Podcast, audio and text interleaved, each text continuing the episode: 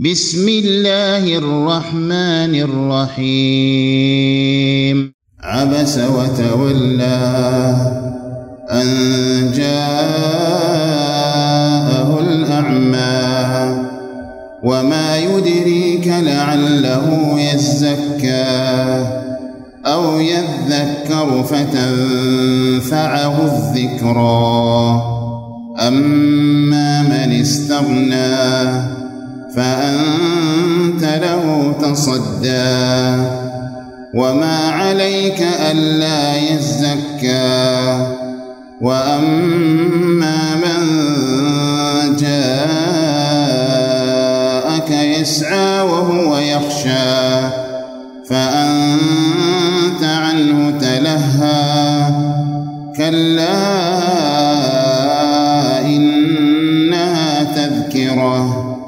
فمن شاء ذكره في صحف مكرمة مرفوعة مطهرة بأيدي سفرة كرام بررة. قتل الإنسان ما أكفره من أي شيء خلقه. من نطفة خلقه فقدره ثم السبيل يسره ثم أماته فأقبره ثم إذا شاء أنشره. كلا لما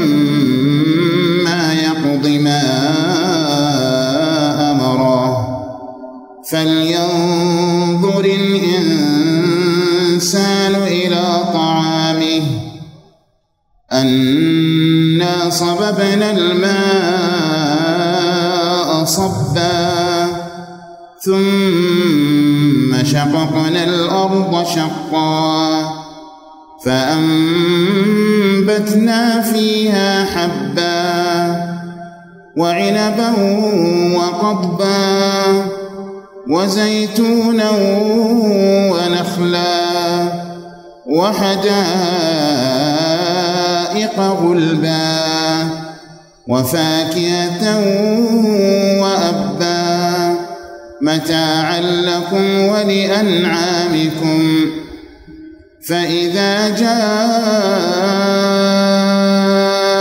الصاخة يوم يفر المرء من أخيه وأمه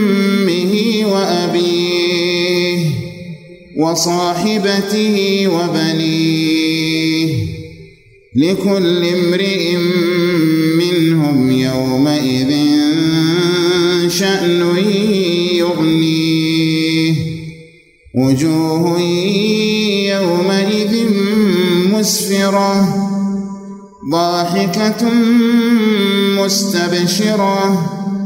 ووجوه يومئذ عليها غبرة ترهقها قترة. أولئك هم الكفرة الفجرة. الحمد لله رب العالمين والصلاة والسلام على أشرف الأنبياء والمرسلين نبينا محمد وعلى آله وأصحابه أجمعين. أما بعد فمعنا في هذا المجلس تفسير سورة عبس ومن أسمائها عبس وتولى وسورة الصاخة وسورة السفرة وسورة الأعمى وسورة ابن أم مكتوم. ومناسبتها لما قبلها لطيف فإن في آخر سورة النازعات قال تعالى إنما أنت منذر من يخشاها. كابن أم مكتوم لست مسيطرا لمن لا ينفعه الإنذار. فلا تبخع نفسك عليهم من الذين استغنوا ولا يتزكون. قال تعالى في هذه السورة التي هي مكية في قول الجميع على خلاف في عدد آياتها بسم الله الرحمن الرحيم عبس وتولى. آه، لا شك أن سبب النزول الذي جاءت فيه هذه الآيات آه، يكاد يكون مجمعا عليه بين أهل التفسير. وإذا نظرنا في الأسانيد فإننا نجد أن مالكا قد روى عن عروة مرسلة أنها نزلت في ابن أم مكتوم اسمه عبد الله ويقال عمرو وهو فهري وأمه أم مكتوم عاتكة فهي نسبة إلى الأم. فلما جاء إلى النبي صلى الله عليه وسلم جعل يقول يا محمد استدنني يعني قربني. وعند النبي صلى الله عليه وسلم رجل من عظماء المشركين. فجعل رسول الله صلى الله عليه وسلم يعرض عنه ويقبل على الآخر. ويقول يا فلان هل ترى بما أقول بأسا؟ فيقول لا والدماء ما أرى بما تقول بأسا. فأنزل الله عز وجل هذه السورة. فمالك رواه مرسلا وتابعه على الإرسال عن عروة وكيع كما عند الطبراني. ورواه الترمذي من طريق يحيى بن سعيد الأموي أيضا عن عروة لكن عن أبيه عن هشام بن عروة عن أبيه عن هشام بن عروة بن الزبير عن أبيه عن عائشة مسندا أنها ذكرت معنى ما سبق. ذكرت معنى ما سبق في نزوله في ابن أم مكتوم. وتابع يحيى على إسناده عبد الرحيم بن سليمان عند ابن حبان عند ابن حبان في صحيحه. وقد جاء ذلك مسندا عن ابن عباس بإسناد العوفيين وهو ضعيف ومن مرسل قتادة ومرسل الضحاك ومرسل عبد الرحمن بن زيد بن أسلم كل هذا قد رواه الطبري. ورواه أبو يعلى عن قتادة عن أنس مسندا وهذه الطرق بمجموعها تدل على أن سبب النزول هذا ثابت محفوظ والسياق واضح الدلالة على ذلك بالإضافة إلى ما نقل من إجماع أهل التفسير. وأما ما أنكره ابن العربي فهو لا ينكر أن تكون الآية نزلت في ابن أم مكتوم لكن في كون الذي استغنى هو الوليد بن المغيرة أو أمية بن خلف. وتحديد من هو لا يفيد كثيرا. لكن المستند الذي استند عليه فيه نظر لأنه بعد أن ذكر ذلك قال إن هذا باطل وجهل من المفسرين الذين لم يتحققوا الدين لأن أمية والوليد كانا بمكة وابن أم مكتوم كان بالمدينة وما حضر معهما ولا حضرهما للمدينة إلى آخر كلامه. وقد نقله القرطبي ولم يتعقبه. فهذا التعليل الذي ذكره عليل. لذا رده أبو حيان عندما قال الغلط من القرطبي. والقرطبي يحتمل أن يكون ابن العربي ويحتمل أن يكون أبو عبد الله القرطبي ويحتمل أن يكون أبا عبد الله القرطبي. كيف ينفي حضور ابن أم مكتوم معهما؟ وهو وهم منه وكلهم من قريش والسورة كلها مكية بالإجماع. وكيف يقول وابن أم مكتوم بالمدينة؟ كان أولا بمكة ثم هاجر إلى المدينة. وكانوا جميعهم وكانوا جميعهم بمكة حين نزول الآية. فسواء قيل هما أو قيل أبو جهل أو قيل آه عتبة وشيبة ابن ربيعة فالمهم أنهم من صناديد قريش الذين لم يسلموا. عبس وتولى أي كلح بوجهه وقطب وتولى أعرض فهناك صفة للوجه وصفة للبدن. والفاعل هو. يرجع إلى النبي صلى الله عليه وسلم. ولماذا لم تكن عبست وتوليت؟ لأن هذا ألطف في المخاطبة وأهون في العتاب أن يقال عبس وتولى. ثم لما جاء الكلام الذي هو أخف قيل وما يدريك فخوطب وما يدريك لعله يزكى. فإن قال قال إنه سبحانه وتعالى قد عاتبه في آيات أخرى بالمخاطبة. عندما قال وتخفي في نفسك ما الله مبديه وتخشى الناس والله أحق أن تخشاه. ولم يقل ويخفي في نفسه. والجواب أن هذا ليس في الشدة والغلظة مثل عبس وتولى. فلذلك لا مانع من المخاطبة والمواجهة بمثل هذه الآية. فحتى في معاتبة النبي صلى الله عليه وسلم يراعى يراعي الله عز وجل مشاعره ويأتي بمثل هذه الألفاظ مع كون بعض العلماء نبهوا لأمر لطيف فيه فوائد عظيمة وهي أن هذه السورة المكية نزلت في وقت يتكالب فيه الكفار على النبي عليه الصلاة والسلام ويؤذونه أيما أذية وليس للمسلمين شوكة والمسلمون قلة والكفار يتربصون ويترصدون بما ينزل من القرآن. ولم يمنع كل ذلك أن يكون العتاب علنا بآيات تتلى لا بسر يسر به النبي صلى الله عليه وسلم. ليعلم أن هذا القرآن ليس من عند النبي عليه الصلاة والسلام. كما قال عبد الرحمن بن زيد فيما رواه الطبري كان يقال لو أن رسول الله صلى الله عليه وسلم كتم من الوحي شيئا كتم هذا عن نفسه. خاصة في مثل ذلك الموقف وفي مثل ذلك المكان وفي مثل ذلك الزمان. فأداؤه لمثل هذا يدل دلالة صريحة أن هذا القرآن ليس من عنده. فإن الإنسان لا يضعف موقفه أمام عدوه في مثل هذه المواقف وإنما هو وحي من الله عز وجل. عبس وتولى أن جاءه الأعمى. يعني لأن جاءه الأعمى. وهذا الأعمى الذي لا يبصر هو المراد به العمى الحقيقي عمى العين وليس عمى البصيرة فإنه وإن كان أعمى في بصره لكنه ذو بصيرة لكنه ذو بصيرة بقلبه بصيرة الإيمان. كيف لا؟ وقد كان النبي صلى الله عليه وسلم بعد الهجرة يخلفه أميرا على أهل المدينة في مرتين. وكأن في هذا تعويضا له عن هذا الإعراض الذي حصل بمكة واعتناء به وإعلاء من شأنه. ثم ذكر هذا الوصف ما فائدته؟ لماذا أن جاءه الأعمى مع أن النفوس تنفر من هذا الوصف؟ الجواب لبيان العذر. هذا الذي جاءك وفعل ما فعل مع كونك تدعو أشراف قريش هو أعمى يعني عذره معه. فينبغي أن تكون لطيفا ورفيقا به خاصة وأنه أعمى. وكان النبي صلى الله عليه وسلم رفيقا بأتباعه بلا شك. ولو كان فظا غليظ القلب لانفضوا من حوله. ولكن مع ذلك يسجل لنا القرآن مثل هذا الموقف ليكون في ذلك درسا لنا وعبرة. ومن أعظم العبر أن يفهم الإنسان النفوس والموازنة بين المصالح والمفاسد.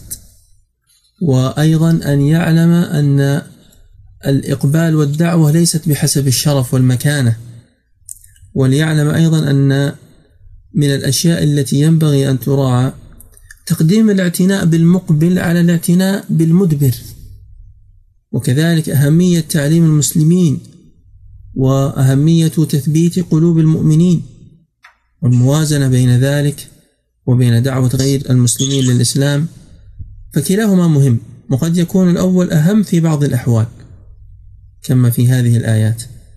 فلما كان المدعو للإسلام معرضا كان الاهتمام بالمقبل أولى وأحرى.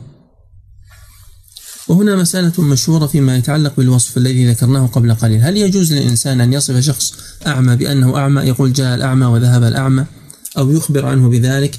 الجواب أن هذا قد فصل في سورة الحجرات ولكن نذكر به الإخوة أن هذا من باب التلقيب والتلقيب على ثلاثة أقسام.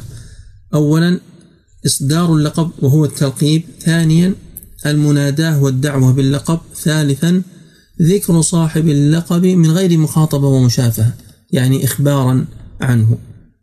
فإن كان اللقب حسنا محمودا فهو دائر بين الجواز والاستحباب بحسب المقام في الأمور الثلاثة التلقيب والمناداة والخبر. وقد جاءت ألقاب كثيرة للصحابة ومن بعدهم من الألقاب الحسنة بل في القرآن كما لقب الله عز وجل المسيح بذلك. فإن كان اللقب مكروها فالتلقيب والمناداة محرمان. قال تعالى ولا تنابزوا بالألقاب. وسبب النزول الوارد في ذلك أيضا واضح بين. واتفق العلماء على تحريم تلقيب الإنسان بما يكره. وإن كان ذلك من باب الخبر ففيه تفصيل. إن أريد به العيب فهو داخل فيما سبق. وإن أريد به التعريف فهو جائز مستثنى من الأدلة التي سبقت بأدلة أخرى. مثل أكما يقول ذو اليدين؟ أكما يقول ذو اليدين وصف بذو اليدين. ما فعل النفر الحمر الطوال القطط؟ وفي رواية القصار الذين لهم نعم بشظية شرخ النبي يصف قوما لأنه ما حفظ أسماءهم وهو يريد أن يسأل عنهم. وهذا الذي ذكرناه فيه إجماعات نقلها جمع كالخطيب البغدادي وابن العربي والنووي في الأذكار. فينبغي أن ينتبه الإنسان لذلك أن بعض الناس يتهاونون في مسألة التلقيب. وما يدريك لعله يزكى يعني وما يعلمك يا رسول الله عليه الصلاة والسلام لعل هذا الأعمى الذي جاء ساعيا راغبا في الخير يزكى أي يتزكى ويتطهر وتزكو نفسه بما يسمع منك وبما يتعلم. وما يدريك لعله يزكى أو يذكر فتنفعه الذكرى.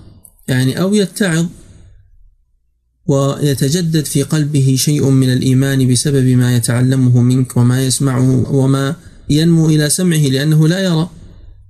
فتنفعه فتنفعه بالنصب وبالرفع قراءتان الذكرى أي الموعظة. إذا هذه الآيات فيها عتاب لطيف للنبي صلى الله عليه وسلم وواضح أن العتاب بسبب الإعراض عن ابن أم مكتوم وليس بسبب أنه اشتغل بأقربائه وقدمهم على الأبعدين كما يزعم الرازي أو بسبب آخر فإن هذا فيه صرف للآيات عن ظاهرها. لأنه قال أن جاءه الأعمى وما يدريك لعله يزكى فكأن الوصف الذي يذكره الله عز وجل ملغي ونأتي نحن بوصف مستنبط من قبل أنفسنا. وهذا من أقبح ما يكون. ثم لم يفعل النبي عليه الصلاة والسلام أمرا محرما وإنما هذا الذي فعله خلاف الأولى. ولكن لما كان مقام النبوة مقاما رفيعا عوتب على مثل هذه الأمور. فإنه كما قال سهل بن عبد الله التستري كما في الرسالة القشيرية. حسنات الأبرار حسنات الأبرار سيئات المقربين لأن المقربين أعلى درجة من الأبرار. فالآيات السابقة متعلقة بالنبي صلى الله عليه وسلم وذكر الأعمى وتزكيه فيها من جهة تعلقه بالعتاب للنبي صلى الله عليه وسلم. ثم ذكر نوعي المدعوين ذكر طائفتين وقسمين فقال أما من استغنى فأنت له تصدى وما عليك ألا يزكى. ثم الطائفة الثانية أو الشخص الآخر وأما من جاءك يسعى وهو يخشى فأنت عنه تلهى الآيات. لأن أحيانا إذا قرأ الإنسان بغير تدبر وتأمل يظن أن موضوع الأعمى مكرر مرتين في البداية وفي النهاية وبينهما أما من استغنى. نقول لا. الأول متعلق بالنبي صلى الله عليه وسلم والثاني متعلق بصناديد قريش والثالث متعلق بالأعمى. وذكر الأعمى وتزكيه في الأول من جهة معينة لا من جهة واقعه وإنما من جهة عتاب النبي عليه الصلاة والسلام. إذا من استغنى يحتمل أنه من الغنى يعني كان ذا ثروة وغنى. ويحتمل أنه من الاستغناء بمعنى الترك فهو مستغن عن دعوتك ومستغن عما تقوله ومعرض عما تأتي به وما تدعوه إليه. فأنت له تصدى أي فأنت له مقبل وأنت له متعرض. أنت تقول نحن بصدد كذا وبيتي بصدد بيت فلان يعني بمقابلته وبمواجهته. تتصدد وتتصدى بمعنى واحد يعني تستقبل. فأنت له تصدى يعني أنت له مستقبل أو على قول آخر أنت له مصغ من التصدي بمعنى الإصغاء. وما عليك ألا يزكى. ما دام قد بين له الحق وهو مصر ومعرض فلا تبخع نفسك عليهم. يعني هذا كافر مصر فأنت عليك البلاغ وعليك النذار فقط. لا تملك هدايتهم أو قودهم إلى الحق والإسلام بالقوة. فلذلك قيل وما عليك ألا يزكى. يعني ما الذي يلحقك من عدم تزكيه إذا لم يتزك هذا المعرض؟ وأما من جاءك يسعى أي جاءك مقبلا مسرعا مسرعا في الخير وليس المراد العدو كما قال ابن قدامة في المغني قال السعي في كتاب الله لم يرد به العدو وذكر هذه الآية وأما من جاءك يسعى وسعى لها سعيها سعى في الأرض فسادا آه، سعى في الأرض ليفسد فيها ويسعون في الأرض فسادا. إذا كل هذه الآيات ليس السعي فيها بمعنى الجري والعدو.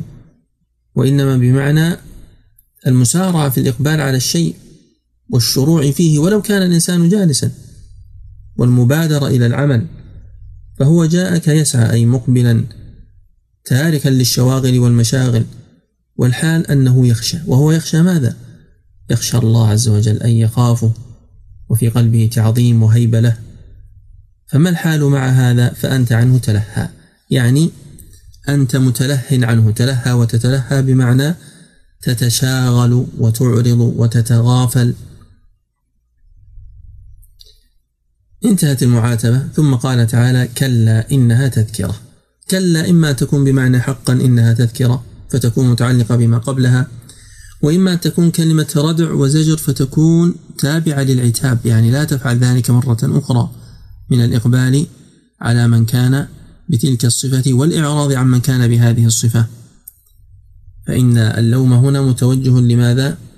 ليس لأصل الدعوة ليس لأنه دعا الكفار وإنما لعدم ترتيب المصالح والمفاسد. وعدم تقديم هو أولى بالتقديم. وهذا كما ذكرنا ليس أمرا محرما أو معصية. طيب كلا إنها تذكرة فمن شاء ذكره. أنا لا أريد أن أفسر إنها وذكرة لأجعلكم تفكرون وتبحثون. يعني إنها الآن ضمير تأنيث أليس كذلك؟ طيب لما كانت الأولى ضمير تأنيث لماذا لم تكن الثانية كذلك؟ فمن شاء ذكرها. يعني ذكر تلك التذكرة. أو يكون كما في سورة المدثر كلا إنه تذكرة فمن شاء ذكره. كلاهما مذكر. فلعلكم تتأملون وتبحثون وتأتون بالإجابة. في سبب تفاوت نوع الضمائر في هاتين الآيتين. أظن هذا سهل قد يكون بعضكم عنده إجابة لكن يساعدكم على التفكر والتدبر. وهذا أوان الجواب عن السؤال السابق هل أحد منكم فكر؟ نعم كان السؤال في قوله تعالى إنما أنت منذر من يخشاها. يقول القرطبي أن إن هذه الآية رد على من قال أحوال الآخرة غير محسوسة وإنما هي أشياء متعلقة بالروح والبدن لا يحس بها فما وجه الدلالة؟ ما وجه دلالة الآية على الرد على هؤلاء؟ نعم نعم لو كانت كذلك لماذا تخشى؟ يقال لو كانت كذلك لماذا تخشى إنما أنت منذر من يخشاها فلولا أنها محسوسة لما كانت مخوفة. فمن شاء ذكره يعني من شاء هو ذكره أو من شاء الله عز وجل ذكره. فيه قولان يعني من شاء الله تعالى ألهمه تلك الذكرى والانتفاع كما جاء عن ابن عباس. أو من شاء من البشر ذكره كما في سورة المدثر أيضا. وكما في سورة الكهف من شاء فليؤمن ومن شاء فليكفر. فإن الله عز وجل جعل للخلق إرادة وأقام عليهم الحجة وهداهم النجدين بينهما لهم فإما شاكرا وإما كفورا. في صحف مكرمة إنها يعني ما يرجع إليه الضمير مما طويناه لتبحثوا عنه يعني هو القرآن وسوره وآياته في صحف مكرمة. صحف جمع صحيفة وهو ما يكتب فيه. وهي مكرمة أي مشرفة ومعززة ولها القدر والرفعة مرفوعة مطهرة رفعا حسيا ومعنويا لأنها في السماء وهي مرفوعة المنزلة والذكر والقدر وهي أيضا مطهرة مصانة من كل عيب ودنس ومن كل لغو وباطل بأيدي سفرة. فيه ثلاثة أقوال. القول الأول الملائكة وهو الصواب وقول الجمهور أن المراد بأيدي سفرة أي أن هذه الصحف التي في السماء بأيدي الملائكة. ثم هناك وجهان في تسميتهم سفرة. الأول أنهم سفراء بين الله وبين رسله. والثاني أنهم كتبة. سفرة جمع سافر ككتبة جمع كاتب وكبررة جمع بار. وكما في آخر السورة فجرة جمع فاجر وكفر جمع كافر وسحر جمع ساحر وهلم جرة فهم سفر جمع سافر بمعنى كتب جمع كاتب. لماذا؟ لأن الكاتب يسفر بما يكتبه ويبين ويوضح ولذلك يقال للكتاب سفر. سفر من الأسفار والمغني عن حمل الأسفار أي الكتب. فهو يوضح الشيء ولذلك الإسفار يقال للنهار لأنه يضيء وتتضح الأشياء بهذه الإضاءة والإنارة والمرأة سفرت عن وجهها أي كشفت عن نقابها. نعم. والقول الثاني أن المراد بالسفرة هم القراءة جمع قارئ لأنهم يقرؤون الأسفار. والقول الثالث أن السفر هم الصحابة رضي الله عنهم وأرضاهم اعترضه ابن العربي قال لقد كان أصحاب رسول الله صلى الله عليه وسلم سفرة كراما بررة ولكن ليسوا بمرادين بهذه الآية. قال ولا قاربوا المرادين بها هذه محل بحث بل هي لفظة مخصوصة بالملائكة عند الإطلاق ولا يشاركهم فيها سواهم ولا يدخل معهم في متناولها غيرهم وذكر الحديث الذي في الصحيحين أن النبي صلى الله عليه وسلم قال إن الماهر بالقرآن مع السفرة الكرام البررة والذي يقرأه ويتتعتع فيه وهو عليه شاق له أجران أو كما قال عليه الصلاة والسلام. طيب فإذا كان القرآن وصف بالطهارة وأنه لا يمسه إلا هؤلاء الملائكة الذين هم المطهرون ففيه تنبيه على أن النسخة التي انتسخت منه في الأرض لها حكمها فلا يمسه إلا المطهرون وقد كان كذلك فهم الصحابة كما جاء عن سعد بن أبي وقاص فيما رواه مالك في الموطأ من اشتراط الطهارة لمس القرآن وهو مذهب الأربعة. وعرفنا في سورة الواقع أن هذا القول هو المرجح. كرام بررة أي أن هؤلاء الملائكة كرام وهذا الكرم له جهات فالكرم بمعنى النبل والشرف وحسن الصفات وحسن المنزلة وحسن الخلق. والكرم يأتي أيضا بمعنى أنهم يكرمون غيرهم من إكرامهم لبني آدم حتى إن حملة العرش يستغفرون لمن في الأرض ولا يلحقهم منهم نفع. ما الذي تقدمه أنت لحملة العرش؟ ومع ذلك الذين يحملون العرش ومن حوله. يسبحون بحمد ربهم ويؤمنون به ويستغفرون للذين آمنوا.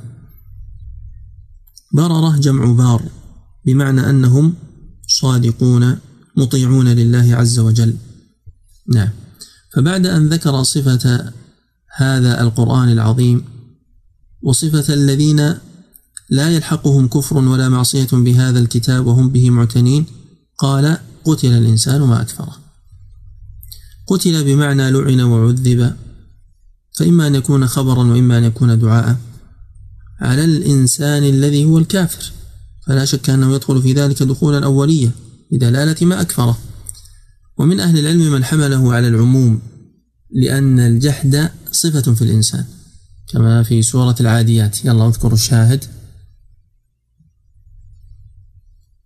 نعم. إن الإنسان لربه لكنود أحسنت. طيب قلت الإنسان ما أكفره ما هذه فيها قولان. القول الأول أنها استفهامية. قال ابن عباس ما أكفره أي شيء أكفره. ما الذي يجعل الإنسان يكفر بالله عز وجل مع كثرة إنعامه وإحسانه إليه؟ فعلى هذا الوجه يكون الاستفهام من باب التوبيخ أو من باب التعجب. وهذا هو القول الثاني أن ما تعجبية. ما أكفره ما أفعله. محامل ما عشر عليك بحفظها. فدونكها في ضمن بيت من الشعر. لا. فدونكها في ضمن بيت تقرر.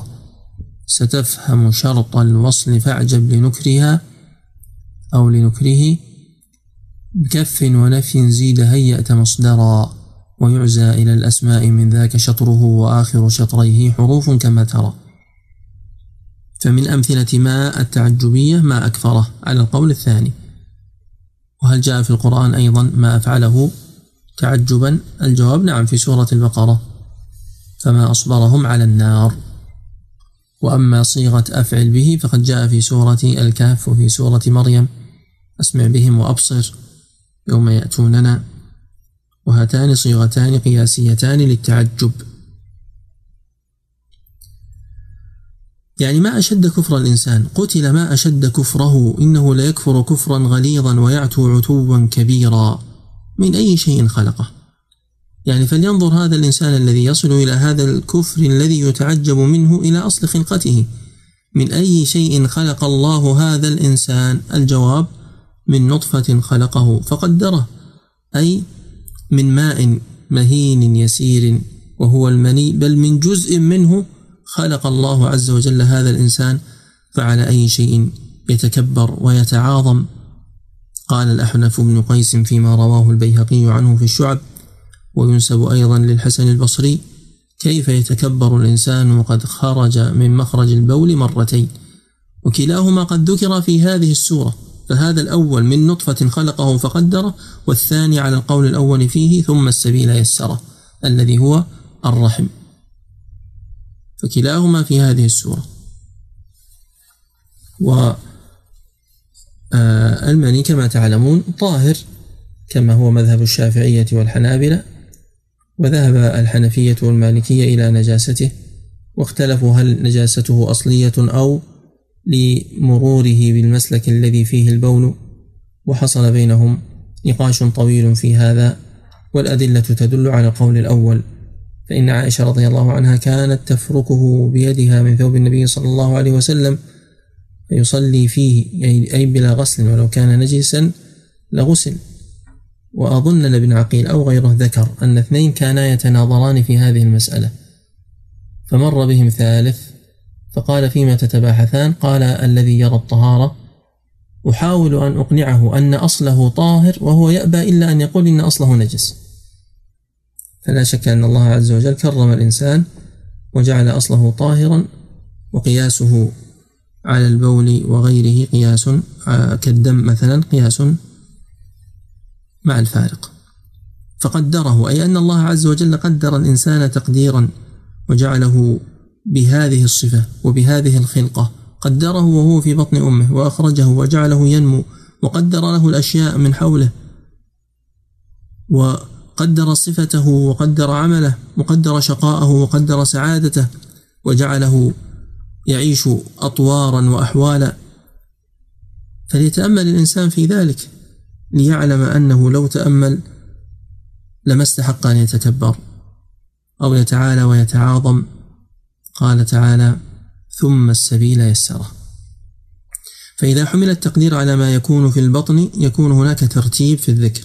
أولا النطفة خلقه منها ثم قدره المراحل التي يكون فيها في الرحم ثم السبيل يسره على القول الأول من أقوال ثلاثة أن المراد بالسبيل الرحم. فيسره أن يسر خروجه من بطن أمه. وهذا ما جاء في رواية عطاء بن أبي رباح عن ابن عباس وقتادة والسدي وأبي صالح كما رواه عنهم الطبري ومقاتل كما ذكره ابن الجوزي والقرطبي وهو الذي صوبه الطبري في تفسيره وزاد ابن كثير عكرمة والضحاك. فلا شك أن هذا المخرج الذي هو مخرج الرحم وإن لم يكن هو مسلك البول لكنه قريب منه. ولذلك يقال الخارج من السبيلين في الفقه فالسبيل هو المخرج من بطن الأم. ثم السبيل يسره. طيب القول الثاني ثم السبيل يسره أي مصالحه ومضارة والخير والشر. ودليل ذلك قوله تعالى الذي أعطى كل شيء خلقه ثم هدى. هذه الهداية العامة. هدى الطفل أن يبكي إذا جاع وأن يلتقم ثدي أمه ليرضع. سبح اسم ربك الأعلى الذي خلق فسوى والذي قدر فهدى. الهداية العامة. القول الثالث ثم السبيل أي طريق الهدى والرشاد. أو السبيل عموما سبيل الشقاء والسعادة. يعني الإيمان والكفر والصلاح والضياع. كما قال تعالى إنا هديناه السبيل. إما شاكرا وإما كفورا. وكما قال تعالى وهديناه النجدين. فهذا قول مجاهد وعبد الرحمن بن زيد وقال ابن كثير هذا هو الأرجح. هذا هو الأرجح. نعم. ولا شك أن الآية تحمل على هذه المعاني الثلاث وكلها صحيح وهذا من الاشتغال. ثم السبيل يسره الهاء يرجع إلى السبيل يعني ثم يسر السبيل يسره. فهذا الفعل المذكور مفسر للفعل المحذوف. ثم أماته فأقبره. ثم أماته كل حي يموت ولا أحد ينكر الموت.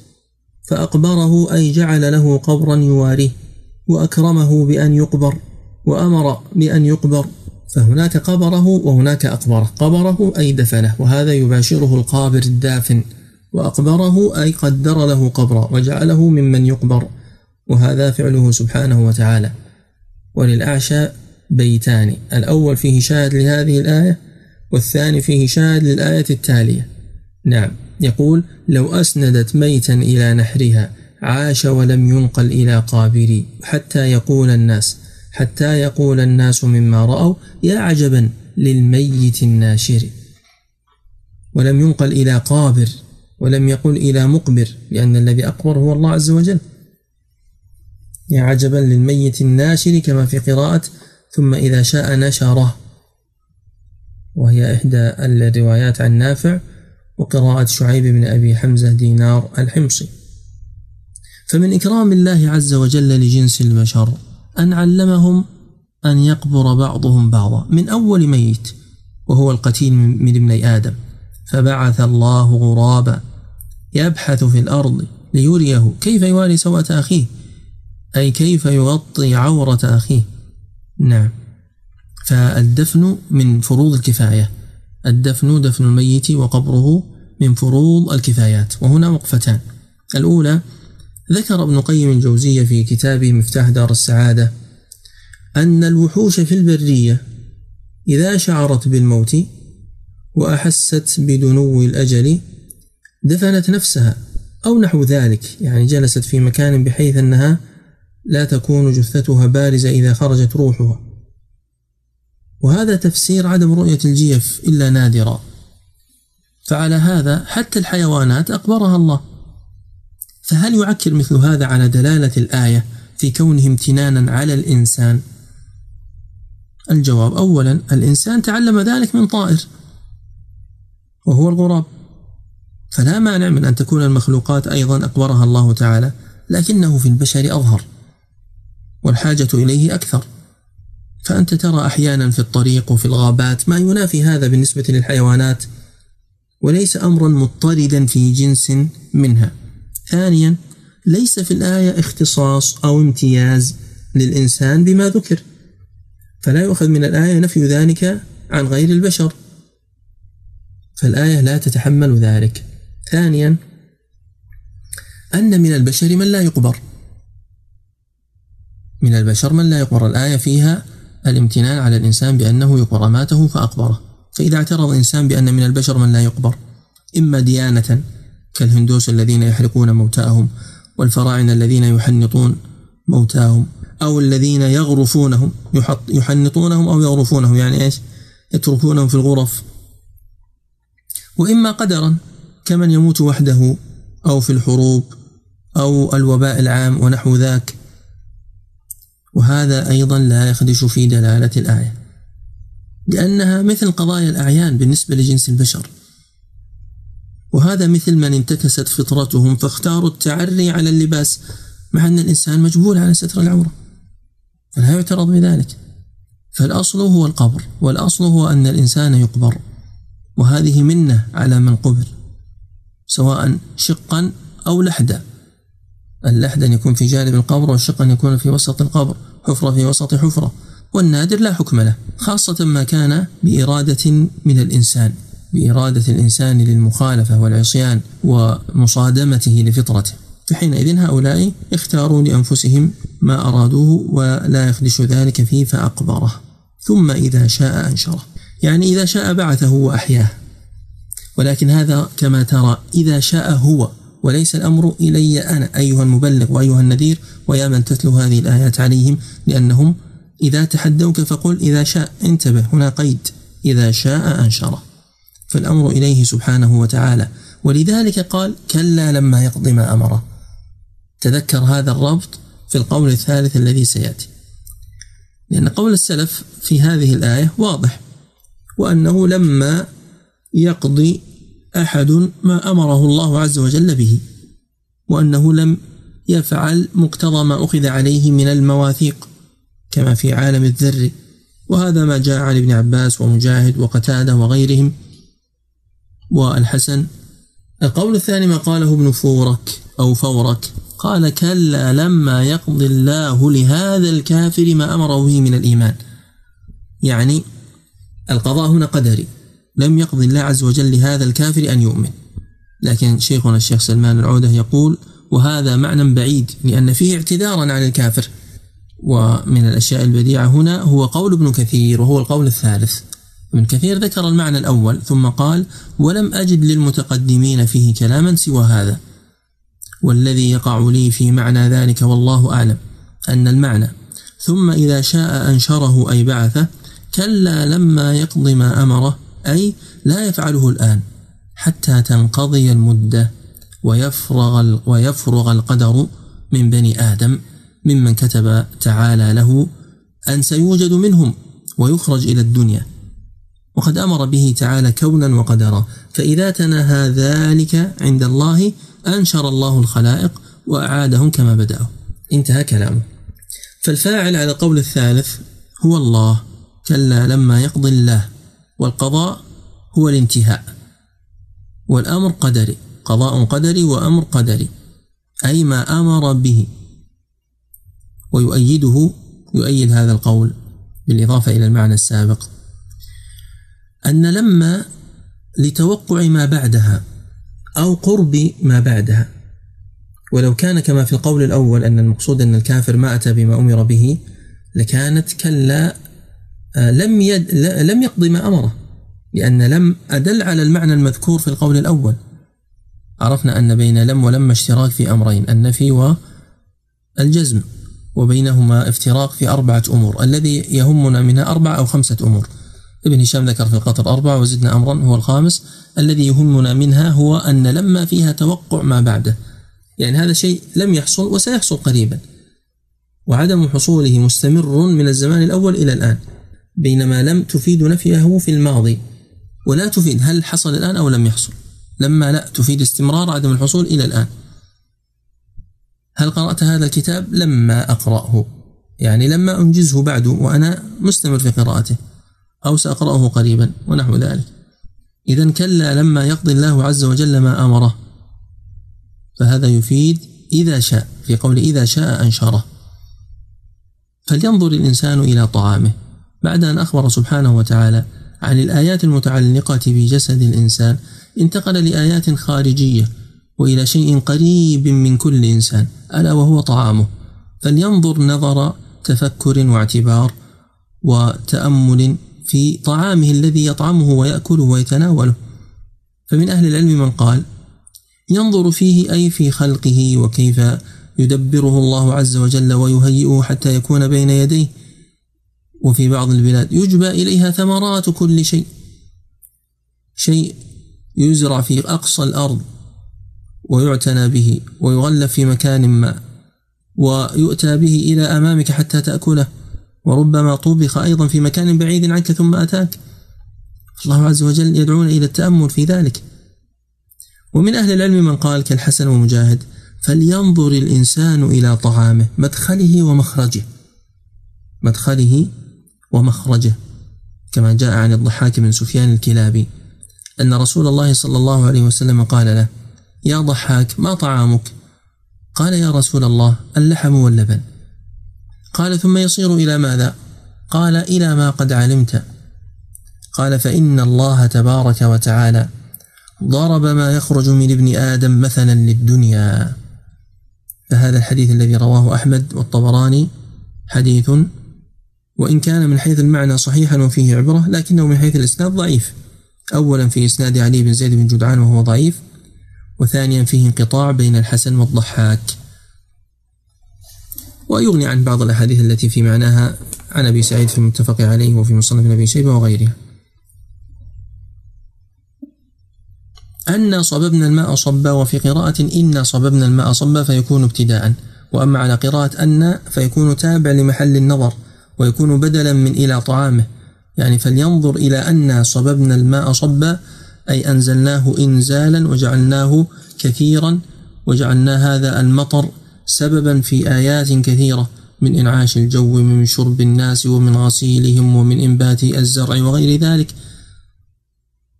أن هذا تعظيم الجمع هنا للتعظيم. صببنا الماء صبا بإنزال الغيث والمطر ثم شققنا الأرض شقا.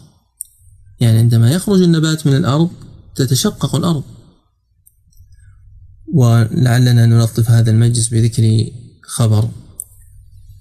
اعترض أحد الرافضة المعاصرين في مؤتمر ما أو مجمع ما فقال إن الأصل أن تجف الأرض حتى تتشقق ثم ينزل عليها الماء. فكيف قال في هذه الآية أن صببنا الماء صبا؟ ثم شققنا الأرض شقا. فرد عليه شيخنا الدكتور محمد بن عبد الله الفهيد قال ليس التشقق هنا بسبب الجفاف بل التشقق بسبب الإنبات. يعني يتشقق ليخرج النبات. لذا قال فأنبتنا فيها حبا. وقال لما ذكر لنا هذه القصة قال فسرت القرآن كاملا في كلمات بمسجدي لأنه إمام مسجد. قال على جماعة المسجد. تمنيت لو كنت سجلتها. قال هذا الكلام ونحن في سيارة مع الشيخ عبد الله بن جبرين والشيخ عبد الله بن موسى العمار واللويحق ومجموعة من المشايخ. هذا الكلام قبل 17 سنة قاله قبل 17 سنة. فذكر الموقف المتعلق بهذه الآية. فالشاهد منه أن الماء ينزل من السماء ثم تتشقق الأرض بالنبات فيخرج. ثم بين سبحانه وتعالى فقال فأنبتنا فيها حبا وعنبا وقضبا وزيتونا ونخلا وحدائق غلبا وفاكهة وأبا. فأما الحب فهو معروف سائر الحبوب التي تخرج من الأرض من قمح وشعير وفول وحمص وغير ذلك. والعنب العنب المعروف بألوانه الزاهية من أخضر وأبيض وأحمر وأسود. وقضب والقضب هو القت والعلف. وقيل هو كل رطب من الورقيات التي تسمى البقول من القت والجرجير والخس والكراث وغير ذلك. وقال بعضهم إن القضب هو الرطب لكونه يخرج من النخل لكن الله عز وجل ذكر بعد ذلك ونخله. ومنهم من قال الرطب فيرجع إلى القت فيرجع إلى القت بمعنى البرسيم وغير ذلك مما يعطى للبهائم. وعنبا وقضبا وزيتونا ونخلا. ودائما يذكر الله عز وجل الزيتون والنخل كما في سورة الأنعام في موضعين وكما في سورة النحل وغيرها لأنها من أعظم الثمار وأكثرها بركة ونفعا. ولذلك ضرب مثل المؤمن بشجرة النخل وذكر الله عز وجل عن الزيتون بأنها شجرة مباركة كما في سورة المؤمنون في سورة النور. في إحداهما وصفها بالمباركة وفي إحداهما وصفها بصفة تقتضي البركة. وحدائق غلبا حدائق جمع حديقة وهي ما يكون من الزرع محاطا سواء كانت الإحاطة بجدار أو بأشجار لأن أحدق بالشيء أحاط به. وغلبا جمع أغلب أي عظيمة الأشجار كثيرة الأعشاب حديقة غلباء أي حديقة ملتفة. حصل لما يخرج منها التفاف بسبب كثرتها وعلوها وحدائق غلبا وفاكهة وأبا فاكهة ما يأكله الناس تفكها من التين والخوخ والتفاح والبرتقال والموز وغير ذلك. وأما الأب وما أدراك ما الأب فأول ما يذكر فيه الأثر المشهور عن أبي بكر الصديق رضي الله عنه أنه سئل عن تفسير الفاكهة والأب فقال أي سماء تظلني وأي أرض تقلني؟ إذا قلت في كتاب الله ما لا أعلم. وهذا قد رواه أبو عبيد في الفضائل وغيره وجاء من طريقين كلاهما منقطع. إبراهيم التيمي عن أبي بكر وإبراهيم النخعي عن أبي بكر. وجاء مثله عن عمر بن الخطاب أنه قرأ هذه الآية ثم قال كل هذا قد عرفناه فما الأب ثم رفع عصا كانت بيده وقال هذا لعمر الله التكلف وما عليك يا ابن أم عمر ألا تدري ما الأب ثم قال اتبعوا ما تبين لكم من كتاب الله وما لا فدعوه. وهذا أيضا رواه أبو عبيد وغيره. أبو عبيد والطبري وابن سعد. قال ابن كثير هذا محمول على أنه أراد أن يعرف شكله وجنسه وعينه وإلا فهو وكل من قرأ الآية يعلم أنه من نبات الأرض. يعلم أنه من نبات الأرض. وهذا هو القول الأول في تفسير هذه الآية أنه كل نبت ينبت على وجه الأرض.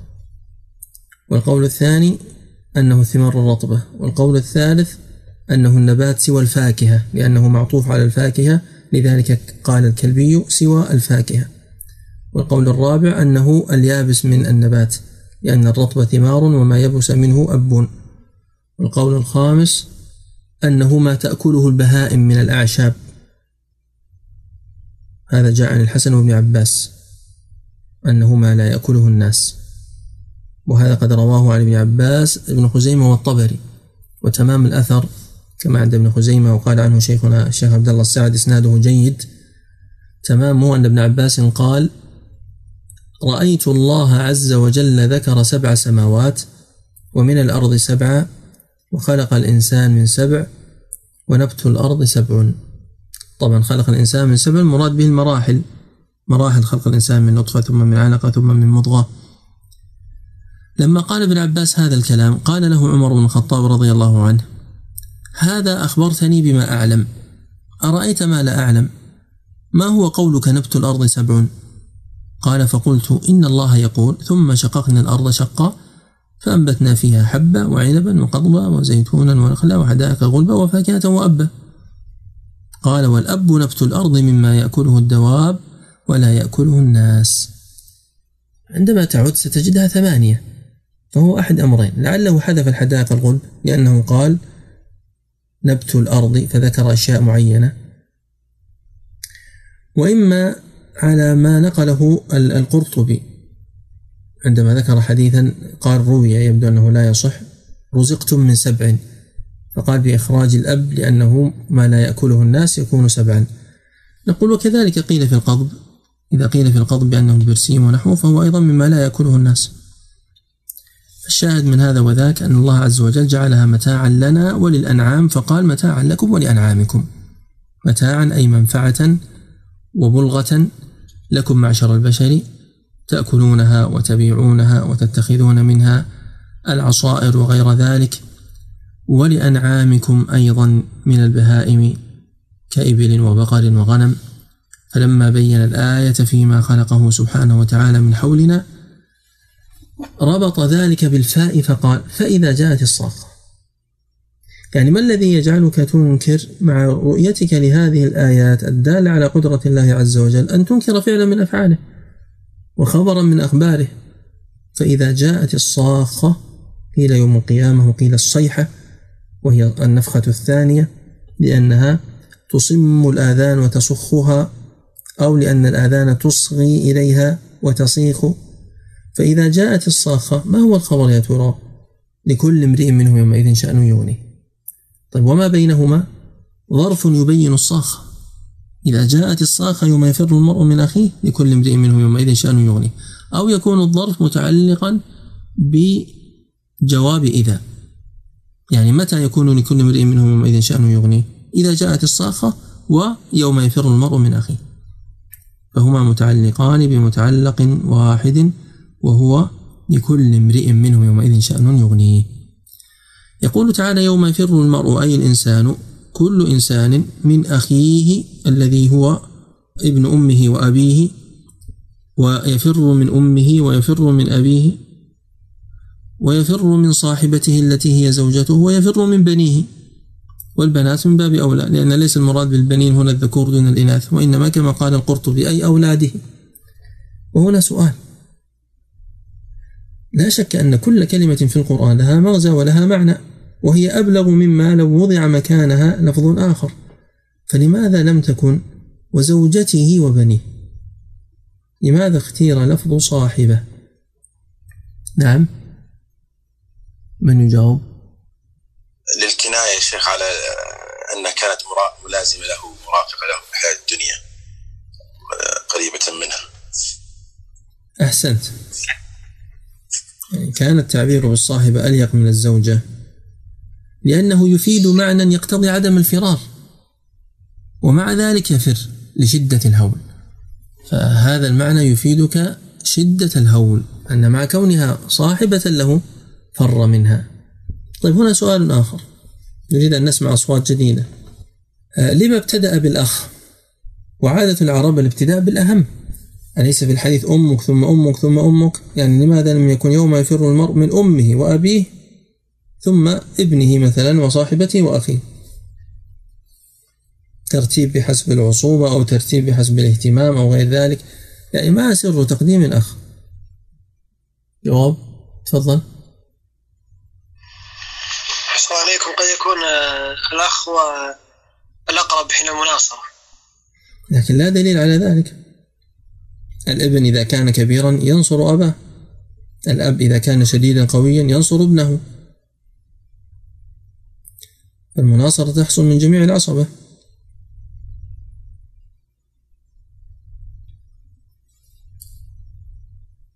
السلام عليكم ورحمة الله وبركاته. وعليكم السلام ورحمة الله وبركاته.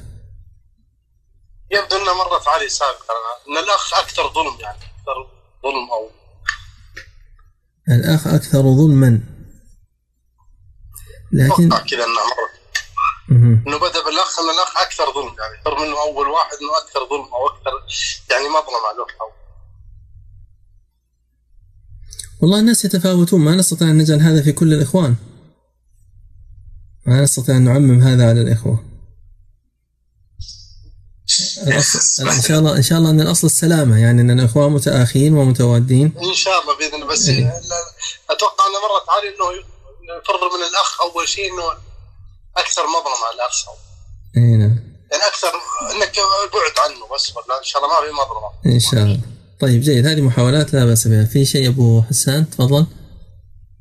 آه، يا شيخ ربما يا شيخ آه، يكون مقصود إن إنه بدأ بالأبعد قليلا يعني اقلهم التصاقا فيه ثم أقرب ثم الاقرب وهذا هو محل السؤال. لماذا كان كذلك؟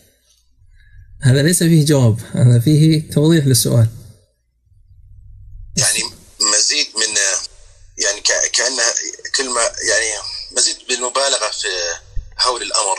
إنه بدأ بال- بالأخ اللي هو قد يكون أبعدهم في ال- في ال- أبعدهم في المقارنة. ثم الأم والأب ثم أشد وأشد من ذلك الصاحبه والبنين. أيوة ما شاء الله عليك. أنت أتيت بالإجابة ما شاء الله. لكن نوضحها أكثر للأخوة. اي يا شيخ الله اسلوبك الله يبارك فيك. طيب. أولا السؤال كان لما ابتدأ بالأخ وعادة العرب الابتداء بالأهم؟ الجواب الأهمية وجه واحد من أوجه آه، التقديم أو من أوجه الابتداء.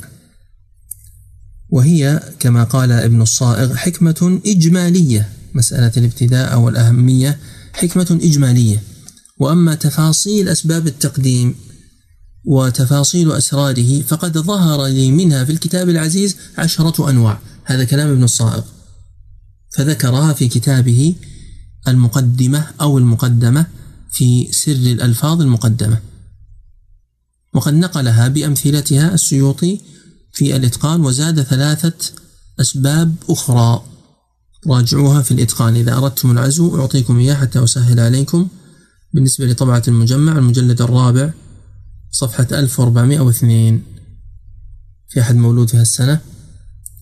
حتى يحفظ الرقم الصفحة. المجلد الرابع 1402 وبالنسبة لهذه الآية إذا الجواب السابق أن عندنا في القرآن كثير من الأشياء تقدم وتؤخر التقديم والتأخير ليس مرده للأهمية فقط. لا الأهمية سبب من 13 سبب. قد يكون هناك أسباب أخرى في تقديم الشيء على غيره. بالنسبة لما يتعلق بهذه الآية بخصوصها فقد قال ابن تيمية فلما سئلت عن هذا قلت إن الابتداء يكون في كل مقام بما يناسبه فتارة يقتضي الابتداء بالأعلى وتارة بالأدنى. وهنا المناسبة تقتضي الابتداء بالأدنى لأن المقصود بيان فراره عن أقاربه مفصلا شيئا بعد شيء. فلو ذكر الأقرب أولا لم يكن في ذكر الأبعد فائدة طائلة فإنه يعلم أنه إذا فر من الأقرب فر من الأبعد. ولما حصل للمستمع استشعار الشدة مفصلة. فابتدأ بنفي الأبعد منتقلا منه إلى الأقرب فقيل أولا يفر المرء من أخيه فعلم أن ثم شدة توجب ذلك. وقد يجوز أن يفر من غيره ويجوز أن لا يفر من غير الأخ. فقيل وأمه وأبيه. فعلم أن الشدة أكبر من ذلك بحيث توجب الفرار من الأبوين. ثم قيل وصاحبته وبنيه فعلم أنها طامة بحيث توجب الفرار مما لا يفر منهم إلا في غاية الشدة وهي الزوجة والبنون. هذا ذكره أبو العباس بن تيمية رحمه الله وهو في غاية الوضوح. قال تعالى لكل امرئ منهم يومئذ شأن يغنيه لكل امرئ والمفرد من الإناث يقال امرأة ومرة. نعم في شاهد في النحو لكن نسيته الآن. على ذلك لكل واحد من البشر ولكل واحد من المخلوقين من المؤمنين والكفار في ذلك اليوم شأن أي آه، أمر وشغل يغنيه عن غيره ويشغله عن أمه وأبيه وأخيه. فكل إنسان عنده ما يشغله وما يغنيه وما يصرفه عنه. ولذلك جاء في صحيح مسلم أن النبي صلى الله عليه وسلم قال يحشر الناس يوم القيامة حفاة عراة غرلا. قالت عائشة قلت يا رسول الله الرجال والنساء ينظر بعضهم إلى بعض؟ قال يا عائشة الأمر أشد من أن ينظر بعضهم إلى بعض. وجاء عند الترمذي وصححه عن ابن عباس أن النبي صلى الله عليه وسلم قال تحشرون حفاة عراة غرلا مفرده أغرل. الغرل هو غير المختون. فقالت امرأة أينظر بعضنا عورة بعض؟ قال يا فلانة لكل امرئ منهم يومئذ شأن يغنيه. فلما ذكر في أول هذه السورة أقسام الناس من حيث الدعوة إلى من يعرض ويستغني ومن يقبل ويسعى وهو يخشى ذكر في آخر السورة أيضا هذا التقسيم فقال وجوه يومئذ مسفرة ضاحكة مستبشرة. فهذه وجوه الطائفة الأولى. فهي مسفرة أي مشرقة ومضيئة ضاحكة أي مسرورة وفرحة مستبشرة أي طالبة للبشرى لأن الألف والسين والتاء للطلب أو عندها استبشار كبير يعني فرح زائد بالنسبة لما ينتظرها في المستقبل. وهذه البشرى من الله عز وجل. ضاحكة مستبشرة وهي وجوه المؤمنين. جعلنا الله وإياكم وأهل الإسلام ومن نحب منهم. ووجوه يومئذ عليها غبرة. هذه الطائفة الثانية. عليها غبرة أي غبار ودخان.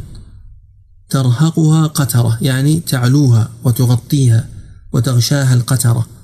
أي الكسوف والسواد. يقال قترة القدر لأنه يوضع على النار في فيصاب بماذا؟ فيصاب بسواد. وأيضا مما قيل في القترة أنه من جنس الغبار فإذا كان فيما ارتفع في السماء فهو القتار والقترة وإذا كان ممن حط إلى الأرض فهو الغبار والغبرة. فيجمع الله عز وجل عليهم السوء والسواد ويكون في وجوههم علامة على سوءهم وبئس مصيرهم وحالهم. قال تعالى أولئك هم الكفرة الفجرة. فبين من ذلك أن أصحاب الوجوه المسفرة هم المؤمنون البررة لأن أولئك يعني الموصوفين بأصحاب الوجوه المغبرة المقترة أنهم كفرة جمع كافر فجرة جمع فاجر. ومعناها واضح فالفجور بمعنى الفسوق والكفر الذي هو الجحود وعدم الإسلام. نختم بما قاله الدكتور الشيخ بكر أبو زيد عندما ذكر البدع المتعلقة بسورة عبسة قال هجر قراءتها بزعم أن النبي صلى الله عليه وسلم يتألم من قراءتها. وهذا الزعم ضلال.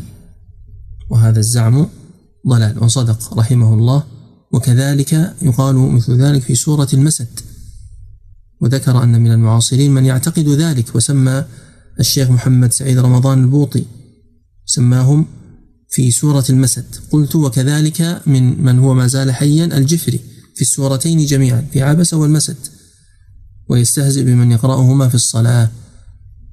وهذا استهزاء بالقرآن والعياذ بالله. نسأل الله عز وجل الهداية والثبات وأن يصلح أحوال المسلمين ويردهم إليه ردا جميلا. اللهم صل وسلم وبارك على عبدك ونبيك محمد. سبحان ربك رب العزة عما يصفون وسلام على المرسلين والحمد لله رب العالمين. في أسئلة؟ الشيخ أحسن الله إليك كأني فهمت منك في بداية السورة أن لا لا أن ليس المقصود في من جاء الأعمى هو نفس ما ذكر في بعد ذلك وأما من جاءك يسعى وهو يخشى. أو فهم خطأ. لا هو نفسه هو الأعمى هو الذي جاء يسعى. ولكن أنا كان كان قصدي أن التقسيم الآيات الأولى إلى آية أربعة عن النبي عليه الصلاة والسلام. والأعمى المذكور فيها هو الأعمى الذي سيأتي ذكره من أنه جاء يسعى وهو يخشى. ولكن متعلق الآيات الأربع الأولى الخطاب والعتاب للنبي عليه الصلاة والسلام. ثم أما من استغنى هذا الطائفة الثانية التي كانت في المجلس من صناديد قريش. ثم أما من جاءك يسعى هذا يتعلق بالطائفة الثالثة ممن كان أو الشخص الثالث ممن كان في ذلك المجلس. واضح الآن؟ واضح طيب يا شيخ معلش يمكن ذكرتها وأنا ما كنت هل حدثت الحادثة هذه في مدينة أو في مكة؟ لا في مكة. السورة مكية بالإجماع. نقل الإجماع على ذلك. آه، فيها جمع. مفسرين أنها أن ابن أم مكتوم في المدينة. ولذلك نفع أن يكون صناديد قريش اللي اشتغل بهم الرسول والوليد المغيرة أو نعم هذا هذا قول ابن العربي هذا قول ابن العربي وهو لا يقصد أن يكون الآيات لم تنزل في آه، ابن أم مكتوم وإنما هو يقصد أن الذين كانوا من الكفار ليسوا أن الذين كان من الكفار ليس أمية والوليد. وهذا القول قد رده أبو حيان في البحر المحيط. وقد نقل الإجماع على مكية السورة ابن الجوزي في زاد المسير. ابن الجوزي في زاد المسير. وابن أم مكتوم ليس أنصاريا وإنما هو فهري مهاجري. فهو كان في مكة بلا شك وهذا كله حصل في مكة. أخيرا شيخ معلش آه لماذا استبعد القول أو ما الذي جعله بعيدا أنه كلا لما يقضي ما أمره تعود للإنسان؟ كلا لما يقضي الإنسان ما أمره لأنه قد لا يقضيه أصلا. أليس هذا في الكافر؟ لما لتقريب قضاء الأمر. فهل يوجد إنسان يستطيع أن يقضي ما أمره الله عز وجل؟ لا يوجد إنسان كما ذكر هذا ابن القيم في طريق الهجرتين. حتى الأنبياء لا يعبدون الله عز وجل حق عبادته على الوجه الذي ينبغي له وإنما يعبد الإنسان ربه على وسع الطاقة. والله عز وجل رضي من العباد أن يأتوا بهذا القدر الذي هو على طاقتهم أو أدنى منه يسيرا. وبالتالي لا يعبد, لا يعبد الإنسان ربه على قدر ما هو مطلوب منه تماما وإنما يحصل التقصير ويحصل النقص. كلا لما يقضي ما أمره إذا أريد به الكافر فكيف يكون لما يقضي؟ يعني كل الكفار سيسلمون لأن لما تفيد التقريب. ولما يدخل الإيمان في قلوبكم يعني أنتم ما زلتم في, في أول الإسلام ومنكم من سيقوى إيمانه إن شاء الله ويصبح مؤمنا. ما يكون بعد لما يتوقع حصوله. لو كان هذا هو القول لكانت كلا لم يقضي ما أمره يعني أن الكافر ما فعل شيء أصلا مما أمره الله. فهذا القول لا نقول بأنه خطأ أو باطل لأنه هو قول السلف. لكن هناك صحيح وأصح. صحيح وأصح. راجح وأرجح. نعم. يعني ليس ليس معنية لما أن يكون النفي أو عدم وقوع الأمر. بلى. لكن ليس نفيا فقط. نفي حصول الشيء في الماضي واستمرار عدم الحصول إلى الحال يعني الوقت الحالي مع توقع حصوله في المستقبل. أما لم فلا تفيد ذلك. تفيد النفي في الماضي فقط. لم يأتي زيد. لم يأتي في الماضي قد يكون الآن أتى. لكن لما يأتي زيد يعني في الماضي ما أتى واستمر عدم إتيانه إلى الآن. لما يأتي لما أنت تشعر من قولي لك لما يأتي زيد أنه في الطريق. يريد أن يأتي. يعني لما تستوجب وقوعه في المستقبل إن لم يكن واقعا الآن. نعم. الله آمين آمين. نعم. السلام عليكم. وعليكم السلام ورحمة الله. يعطيك العافية. جزاك الله خير. وإياك حياك الله. آه، في في بداية الصورة دائما في الحفظ آه، صورة عبس أنا أتلخبط بين التصدي والأخرى عبس وتولى أن جاء الأعمى وما أدري لو أو الذكر تنفع الذكرى أما من استغنى فأنت له فأنت له تصدى وهناك تلاها. أي نعم الفرق بين التلاهي والتصدي. أحيانا تلخبط في في التسميع نعم. بين الثنتين يعني. جميل. فأنت إذا عرفت المعنى إذا اتضح لك المعنى لن إن شاء الله لن يشكل عليك مرة أخرى. تصدى بمعنى تقبل. تصدى بمعنى أنا بصدد كذا يعني أنا مقبل على كذا فهنا أيضا تصدى بمعنى أقبل عليه وأصغى له. الألفاظ العامية شيخ تستعمل كأنها في التصدي أنا أن أوخر عنك تصدى عنك يعني في العامية. لا لا المعنى العامي غير مراد هنا عكسه أيوة نعم. المراد هنا عكس المعنى العامي. لا تشكل علينا. أيوة ليس المراد الصدود كما نعم مثل ما كتبت. ليس المراد تصدى بمعنى صد عنه لا. فأنت له تصدى. لو كان المقصود الإعراض لكانت فأنت عنه تصدى. أنت له تصدى يعني أنت مقبل عليه. نعم. الله يجزاك خير. وأما تلهى فواضحة. تلهى بمعنى نعم. تشاغل. فهو تشاغل عن الأعمى الذي جاء يسعى. نعم نعم. واضح يا شيخ. وإياك. بارك الله فيك. وإياكم. شيخنا أحسن الله إليكم. آه، أريد الشيخ أقرأ عليك نص من مجموع الفتاوى إذا تسمح وأريد توضيح له يعني وتعليق عليه. طيب تفضل.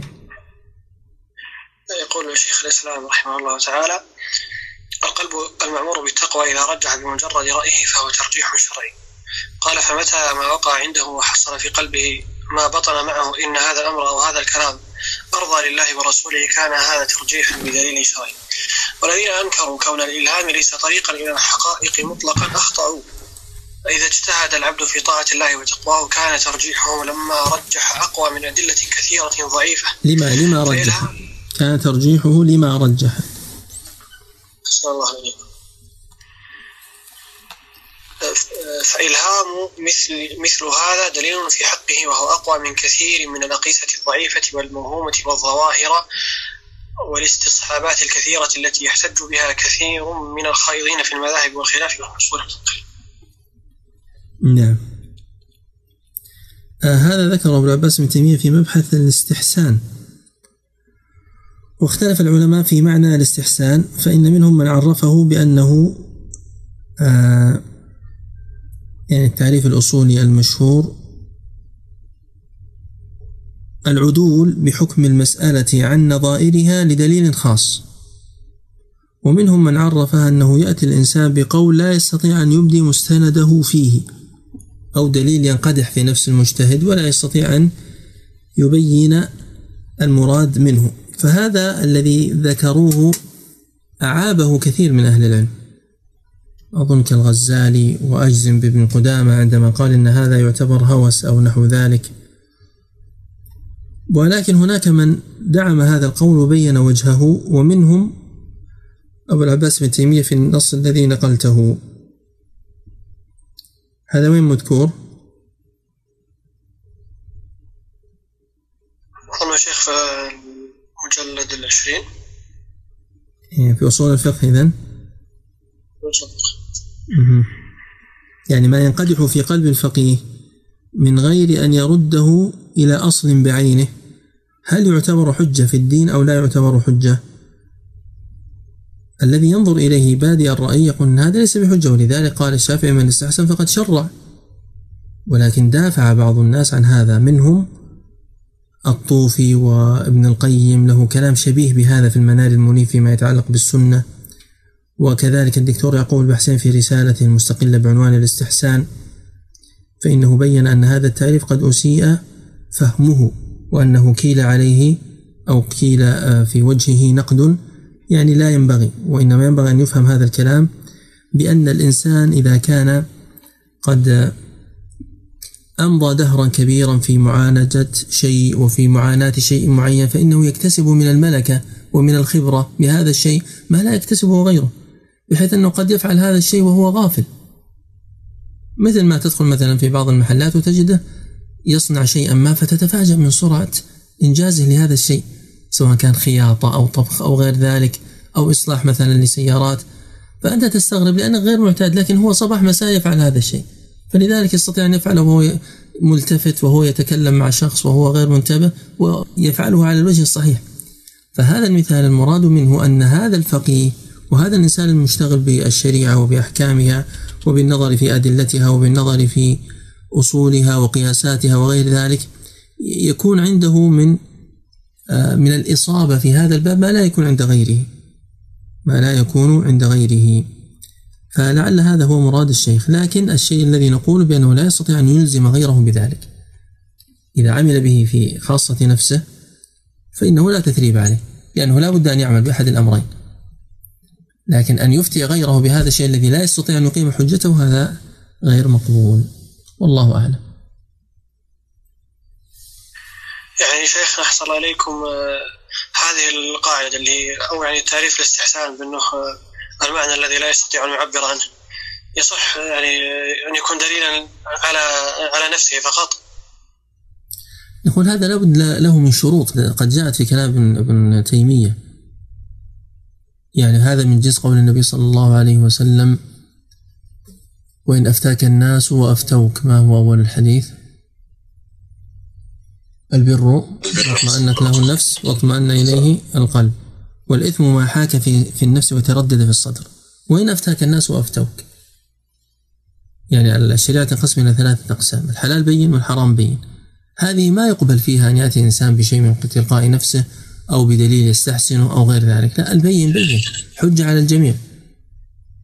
لكن إذا جينا في القسم الثالث الذي هو المشتبهات التي ليس فيها دليل بين فهذا يقول بمنزع وذاك يقول بمنزع آخر. وشخص ثالث هو من أهل الفقه ومن أهل الدين أيضا والورع وليس ممن يبحثون عن الرخص ويتتبعونها. في مثل هذه المسائل ولمثل هؤلاء الأشخاص يمكن أن ينزل هذا الكلام وليس على إطلاقه. أحسن الله إليكم. شيخنا سؤال آخر.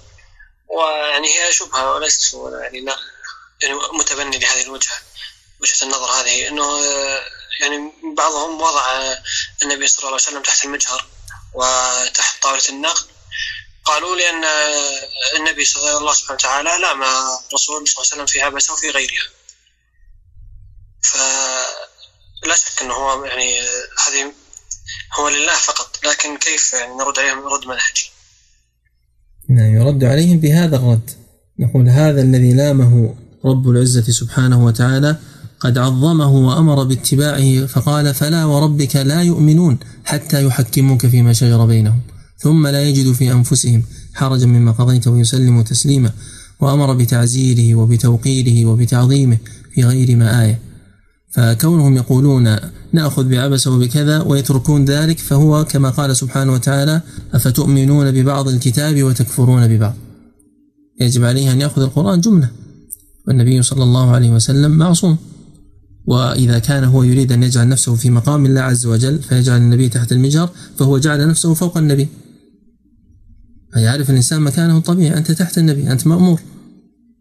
ينبغي عليك أن تطيع. عندنا حديث في صحيح البخاري أن أبا سعيد بن المعلى كان يصلي في المسجد يصلي. فدعاه النبي صلى الله عليه وسلم وناداه فاستمر في صلاته. فلما انصرف جاء إليه قال ألم أدعوك؟ قال إني كنت أصلي. قال ألم يقل الله عز وجل يا أيها الذين آمنوا استجيبوا لله وللرسول إذا دعاكم لما يحييكم. هل يمكن أن تفهم من هذه الآية أنك تقطع الصلاة؟ حتى لو كنت تصلي تقطع الصلاة وتجيب النبي عليه الصلاة والسلام؟ هذا من معاني الآية وهذا في صحيح البخاري. ثم يأتي هذا الذي لا يسوى قلامة ظفر مؤمن من المؤمنين ليحاسب الرسول عليه الصلاة والسلام أو على الألفاظ التي ذكرت. فمثل هؤلاء لا شك أن كلامهم باطل وأن القرآن يرده ردا صريحا والسنة بل هو أمر مستقر في نفوس المؤمنين. ومعلوم من الدين بالضرورة أن مثل هذا الكلام لا وزن له ولا صحة ولا التفات إليه. ولا يقوله إنسان يعظم ويبجل الشريعة الإسلامية. نعم.